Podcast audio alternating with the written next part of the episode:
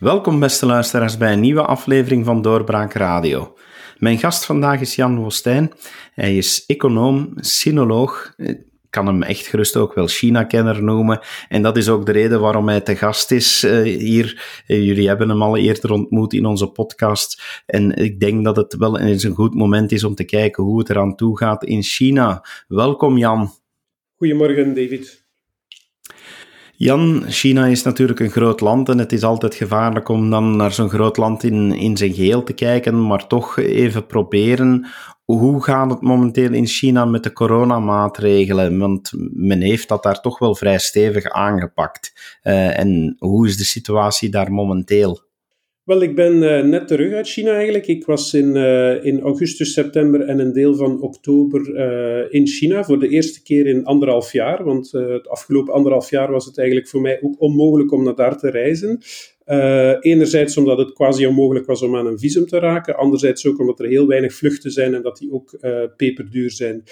Nu, wat corona betreft, in China is het eigenlijk een heel dubbel beeld. Dus als je puur naar het medische gegeven kijkt, dan is corona in China zo goed als verdwenen. En dus als individu in China, de kans dat je besmet raakt met corona, die is gewoon oneindig klein. Op een land van 1,4 miljard mensen heeft men nu elke dag tussen de 50 en 100 eh, besmettingen. Dus dat lijkt compleet verwaarloosbaar.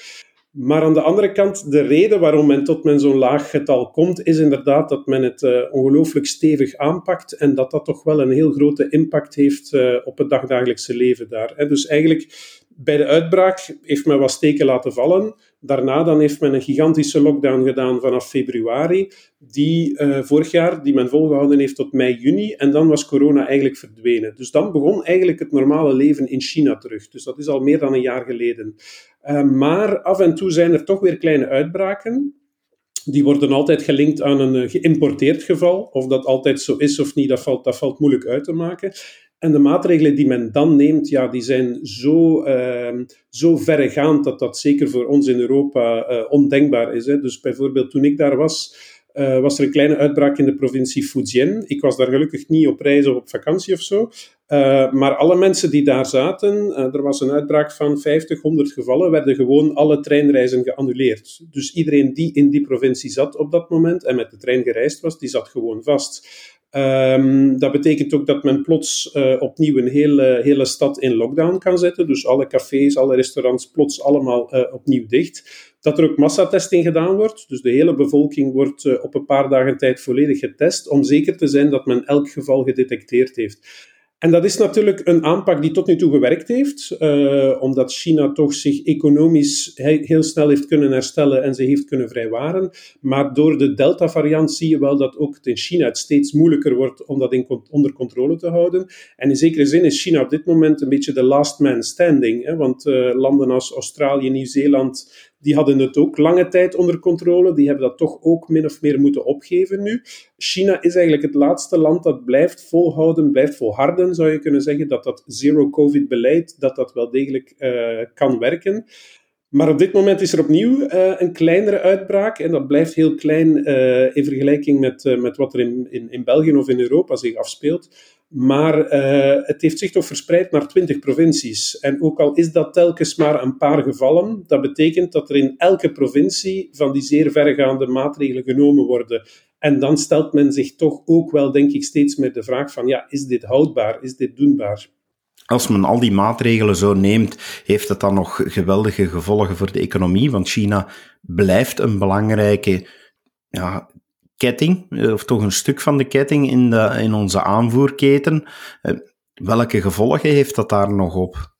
Absoluut, hè? en ik denk dat daar toch nog een beetje koffiedik kijken is om te zien waar het precies uh, naartoe gaat. Maar kijk, je hebt, je hebt, verschillende zaken die spelen. Enerzijds heb je de export en de buitenlandse investering, die eigenlijk verbazend goed en verbazend genoeg nog heel snel groeien.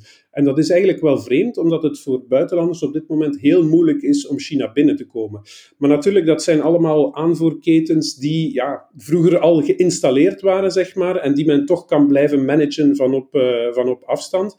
Um, maar de vraag is toch, als China dit heel strenge beleid zal uh, aanhouden, of daar op een gegeven moment toch ook niet in kentering komt. En dat bedrijven gewoon ja, niet meer aan buitenlands personeel raken, ook in China, want steeds meer buitenlanders vertrekken ook wel, dat dat op een gegeven moment toch ook druk zal zetten op die, uh, op die export en op die buitenlandse investeringen, omdat men toch naar andere landen zal uitwijken. Maar dus op dit moment, verbazend genoeg, blijft dat nog een heel, heel sterk element in de Chinese economie.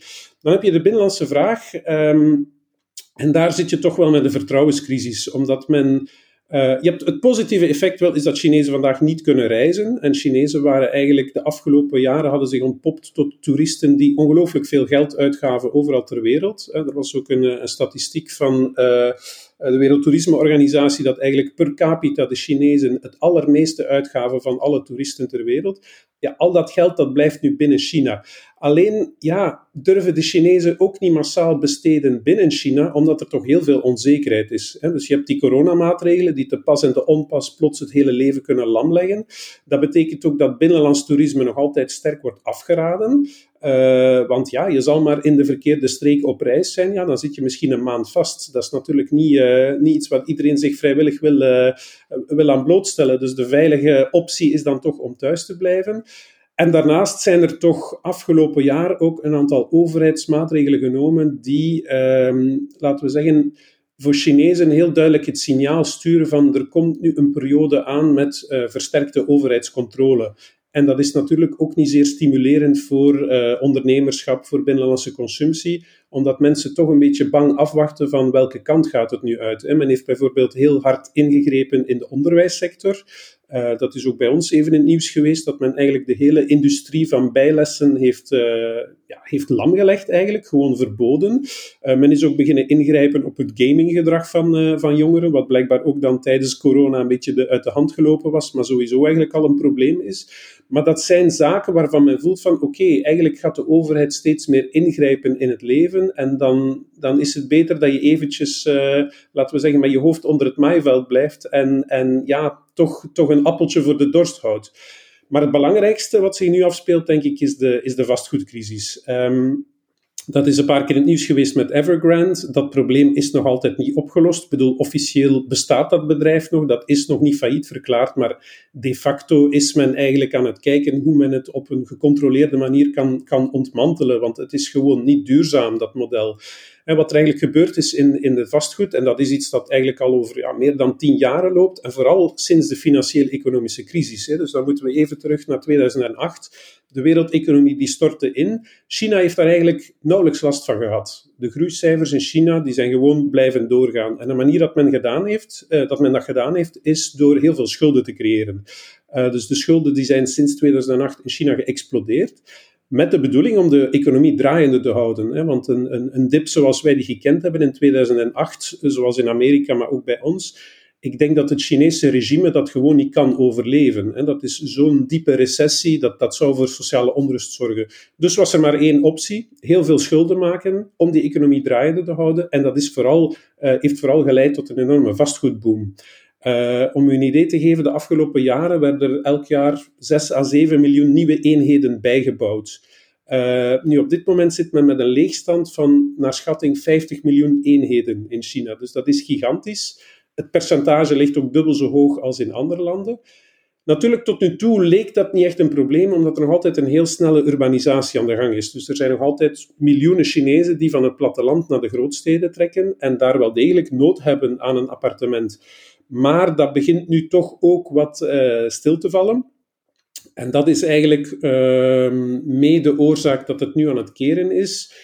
Er waren veel te veel schulden in die sector. De vraag, ja, die kan ook niet blijven uh, volgen. Heel veel Chinezen waren ook gewoon appartementen aan het kopen om te speculeren, eerder dan om er zelf in te wonen. Vandaar die hoge leegstand. En vorig jaar heeft de regering dan een, een beleid uitgevaardigd dat de bedoeling had om die hele vastgoedzeepbel af te remmen.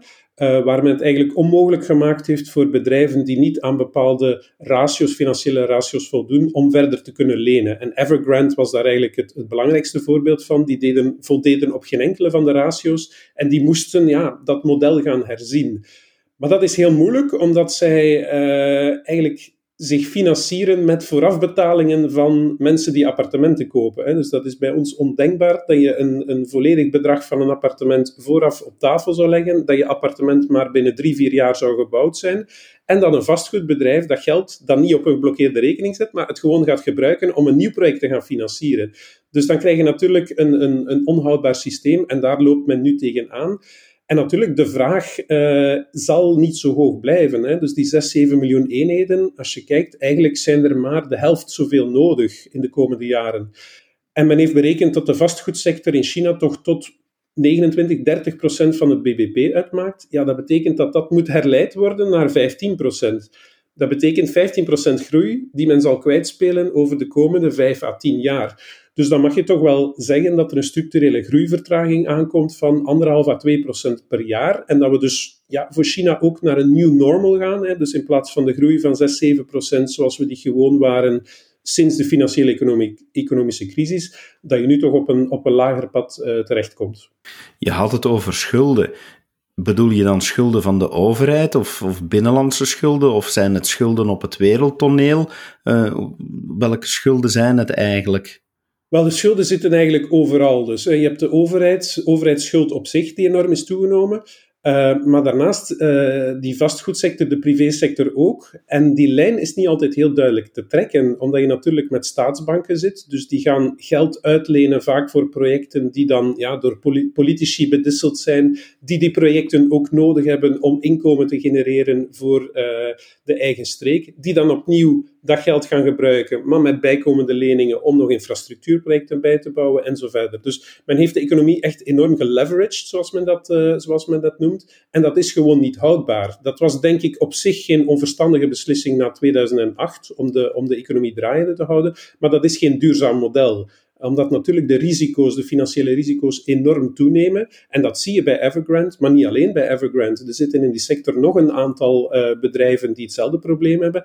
En de schuld van de hele sector, ja, die is nog tien keer zo groot als Evergrande alleen. Dus als daar ook nog andere uh, bedrijven in de problemen komen, dan wordt het heel moeilijk. Verder heb je ook de staatsbedrijven, die zijn nog altijd verlieslatend uh, vaak, maar daar wordt onvoldoende hervormd. Dus wat moet er gebeuren? Goed, die, die bedrijven moeten extra geld krijgen. Waar komt dat geld vandaan? Ja, dat wordt opgelegd door de, door de regering dat staatsbanken extra leningen moeten voorzien. Maar goed, op een gegeven moment eindigt het wel. Hè. Als je blijft niet rendabele uh, economische activiteit ondersteunen met leningen, die leningen moeten op een gegeven moment ook wel toch terugbetaald worden.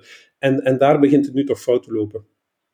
Is dat een eerste steentje in de domino die gaat omvallen?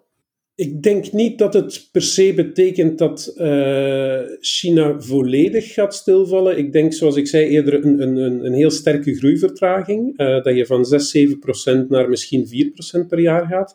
Maar zijn, uh, dat, dat brengt ons wel bij de vraag of China inderdaad niet zal blijven vastzitten in wat men noemt, of wat economen noemen, de middle income trap. want eigenlijk de Chinese groei de afgelopen 40 jaar was heel centraal geleid, was staatsgeleid. De regering zette de grote lijnen uit, elk vijf jaar met een vijfjarenplan. En daar werd dan heel veel overheidsmiddelen naartoe gebracht om die groei, om die groei op gang te krijgen. En natuurlijk als je van een heel laag niveau begint, is dat op zich geen slechte manier. Omdat je inderdaad heel veel vastgoed nodig hebt, je hebt infrastructuur nodig, je moet echt je land volledig opbouwen. En dat je dat centraal geleid doet, is op zich wel verstandig. En dat is een beetje wat men noemt ook de low-hanging fruit, het makkelijke catch-up gedeelte van de groei. Maar nu is men op het middeninkomenniveau gekomen, dat is ongeveer 10.000 dollar uh, per capita. Dat is nog altijd uh, maar een kwart van wat België heeft. Dus China, men zegt soms dat we China rijk gemaakt hebben, maar zo, zo rijk is China ook nog altijd niet, toch gemiddeld gezien niet. En nu komt men ja, in, in, in een kentering dat men moet groei uit andere, uh, andere bronnen halen. En daar voel je toch wel dat dat staatsgeleide model uh, ja, wat tegen zijn eigen limieten, tegen zijn beperkingen loopt. Want kijk, beslissen dat er een hoge snelheidstreinnetwerk uh, moet komen over heel China, ja, dat kan China beter dan om het even welk land. Op, een, op vier, vijf jaar heeft men het grootste netwerk ter wereld uitgebouwd. Daar heb je een sterke overheid voor nodig, die gewoon zegt van kijk, hier komt de lijn, we beginnen eraan en geen discussie. Maar als je nu voorbij dat niveau verder die groei wil aanhouden, dan ga je toch meer van onderuit uh, initiatieven nodig hebben. Dat er meer innovatie komt, dat er meer ondernemerschap komt, dat eigenlijk iedereen, iedere burger uh, zijn steentje gaat bijdragen aan het verder vergroten van, uh, van de economische koek. Want uiteindelijk, het BBP per capita, dat is de waarde van de goederen en diensten die per persoon kan gecreëerd worden. Je kan het eerste stuk, kan je daarvoor vertrouwen op de overheid, maar om verder te groeien ga je toch moeten de creativiteit en, en het ondernemerschap van de bevolking ook, uh, ook benutten. En de vraag is of Xi Jinping dat ook op die manier ziet, hè, want hij is toch wel iemand die heel um, heel hard ingrijpt nu en heel um, overtuigd is dat, dat China centraal geleid moet worden. En ik weet niet of dat compatibel is met uh, een groei uh, voorbij het middelinkomniveau. En daar bestaat dus de vrees dat men daar blijft in steken. Ja, je ziet inderdaad een president die nu veel meer geneigd is om in te grijpen. Denk je dat, dat politiek gezien China ook gaat veranderen de komende jaren. Dat onder het beleid van president Xi dat we nog meer ingrepen gaan zien en dat we terug meer een, een klassiek communistisch verhaal gaan zien? Wel, op korte termijn uh, denk ik van wel. Ik zou een parallel durven maken zelf met, uh, met Tiananmen, toen er eigenlijk ja, ook een heel grote legitimiteitscrisis was uh, van de regering. En de jaren daarop heeft men heel hard ingegrepen. En dat is wat corona toch ook een beetje naar boven gebracht heeft. Maar niet alleen corona, ook de hele problematiek rond Hongkong, waar men gezien heeft van ja, oei, er zijn protesten, miljoenen mensen op straat. ons, on, de legitimiteit van, van de communistische partij wordt in vraag gesteld. Dat was bij corona ook uh, op een gegeven moment toch wel zo. Uh, er waren die paar burgerjournalisten die uh, verslag hadden uitgebracht. Er was toch kritiek op de overheid dat men te laat had ingegrepen en zo verder. Dus men voelde van oei, dit is, dit is gevaarlijk. Plus dat men toch ook decennia lang China heeft blootgesteld aan heel veel westerse invloed. En dat er dus ook op dat vlak in de maatschappij heel veel veranderd is. Er zijn heel veel individuele vrijheden geweest die Chinezen vroeger niet hadden studeren in het buitenland, overal naar op reis gaan, uh, ja, toch de eigen ondernemingen starten, vastgoed kopen en zo verder en zo verder. Ja, een bevolking die rijker wordt, waar het, laten we zeggen, gewoon eten uh, op zich niet meer het probleem is, die begint natuurlijk ook nieuwe aspiraties te hebben. En daar voel ik dat men toch een beetje bevreesd heeft. Hè. Dat heeft een, een, een iets oudere Chinees mij ook uitgelegd, dat hij eigenlijk, zoals hij China beleefd heeft de afgelopen 50 jaar, dat dat altijd in golven ging. Dus er was een golf van meer opening up. En dan begon de regering een beetje nerveus te worden, omdat men begon te twijfelen of men met dat centraal geleide model wel nog iedereen onder controle kan houden. En dan gaat men inderdaad meer maatregelen nemen om dat wat terug te dringen. Maar dan stoot men vaak op het economische probleem op een gegeven moment, dat men ook de dynamiek uit de samenleving haalt. En ik vrees dat dat is waar we nu naartoe gaan. Dus dat de komende jaren inderdaad er verder zal ingegrepen worden. Dat gaat het vertrouwen ondermijnen. De economische groei gaat daaronder lijden. En heel belangrijk, de komende jaren, uh, de Chinese bevolking die begint te dalen. En dat is eigenlijk veel vroeger dan uh, verwacht. Men had een prognose gemaakt dat dat pas vanaf 2030 zou zijn. Maar eigenlijk na de laatste census van vorig jaar waren er hier en daar berichten die aangaven van eigenlijk is de piek nu al bereikt. En de arbeidsbevolking die is zelf al aan het dalen. Dus dat zal een bijkomende rem zetten op de economische groei. Dan vrees ik dat je binnen tien jaar effectief in een situatie komt waar het Chinese groeimodel uh, opgehouden heeft te bestaan, of toch niet meer die, die groeivoeten uh, produceert die het eerder kon.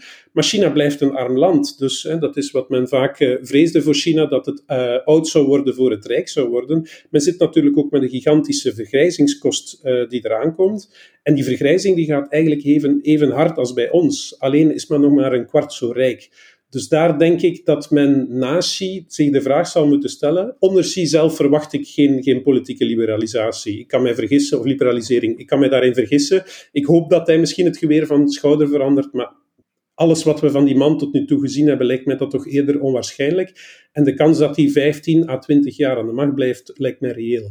Maar dus als we kijken naar 2030, ja, dan zit China met een dalende bevolking. De economische groei zal niet meer zijn wat het geweest is. Mogelijk gaat men zich ook meer afsluiten van de wereld, wat toch ook op termijn een impact zal hebben op de economische dynamiek van het land. En dan hoop ik dat er na Xi misschien een leider komt die terug inziet van oké, op deze manier komen we er niet. Als we terug aan willen knopen met meer economische groei, meer welvaart, als we die vergrijzing willen kunnen betalen, dan gaan we toch moeten China opnieuw meer liberaliseren. En dan hoop ik dat er misschien ook op politiek vlak, op het lokale niveau, beginnend op heel kleine schaal, geëxperimenteerd zal worden met, met politieke liberalisering. Dus ik denk dat het heel belangrijk is voor het Westen ook om op dat vlak China niet los te laten. Ik was, ik was gisteren ook op de, op de boekenbeurs. Ehm, met het interessante debat tussen El Gardus en, en Peter de Keizer die alle twee ja, er een beetje van uitgingen van kijk, we hebben, we hebben een fout gemaakt. Hè. We hebben China rijk gemaakt, we hebben hen opgenomen in de wereldeconomie en nu hebben we een, een gigantisch autocratisch monster gecreëerd dat, dat de wereld zal verorberen, bij wijze van spreken. Maar ik denk, kijk, ten eerste, China is nog niet rijk. We hebben China uit de armoede geholpen en eigenlijk hebben Chinezen vooral dat zelf gedaan. Het is niet zo dat dat de verdienste is van Europa, dat is de verdienste van, van, van China nog altijd. Um, en, en nu komt inderdaad een moeilijke periode, maar ik denk dat wij moeten blijven die contacten zoeken met China, blijven die economische banden aanhalen, omdat er mogelijk na Xi dan toch wel uh, die kans komt op liberalisering en dat we daar misschien iets te ongeduldig in zijn. Dat is natuurlijk een moeilijke boodschap, hè, want China is op dit moment wel degelijk een zeer autocratisch land dat ook overal ter wereld zijn, zijn tentakels uitspreidt. Maar als je kijkt naar bijvoorbeeld uh, landen als Taiwan of, uh, ja, ik moet zeggen regio als het, als het uh, van de Chinees afhangt, een, een, een, regio als Taiwan of een land als Zuid-Korea, ja, die zijn ook pas heel laat politiek beginnen liberaliseren, eind de jaren 80. En dat was eigenlijk na meer dan 40 jaar economische liberalisering. Dus welk moment dat dat precies komt, is heel moeilijk in te schatten. China zal volgens mij nooit een westerse democratie worden naar ons model, maar ik denk dat er wel degelijk ruimte is voor meer uh, liberalisering van onderuit. Alleen verwacht ik dat niet de komende jaren. Dan kijk ik eerder naar 2030 en zal het gebeuren uit noodzaak vooral, omdat het gewoon economisch uh, de dynamiek volledig uit uit de maatschappij verdwenen zal zijn. Blijft dus boeiend om vooruit te kijken. Dankjewel Jan om dat samen met ons te doen, om een blik te geven op dat geweldige land met zoveel uitdagingen en een toekomst die nog geschreven moet worden. Dankjewel voor je tijd. Graag gedaan. En u, beste luisteraar, u merkt het, bij Doorbraak houden we ook onze blik op de wereld en zullen we blijven volgen wat er gebeurt in China en in andere landen. Dank u wel dat u geluisterd hebt en heel graag tot een volgende keer. Dag. Dit was een episode van Doorbraak Radio, de podcast van doorbraak.be. Volg onze podcast op doorbraak.be/slash radio of via Apple Podcasts, Overcast of Spotify. Bezoek ook onze website op doorbraak.be en steun ons door een vriend te worden van Doorbraak.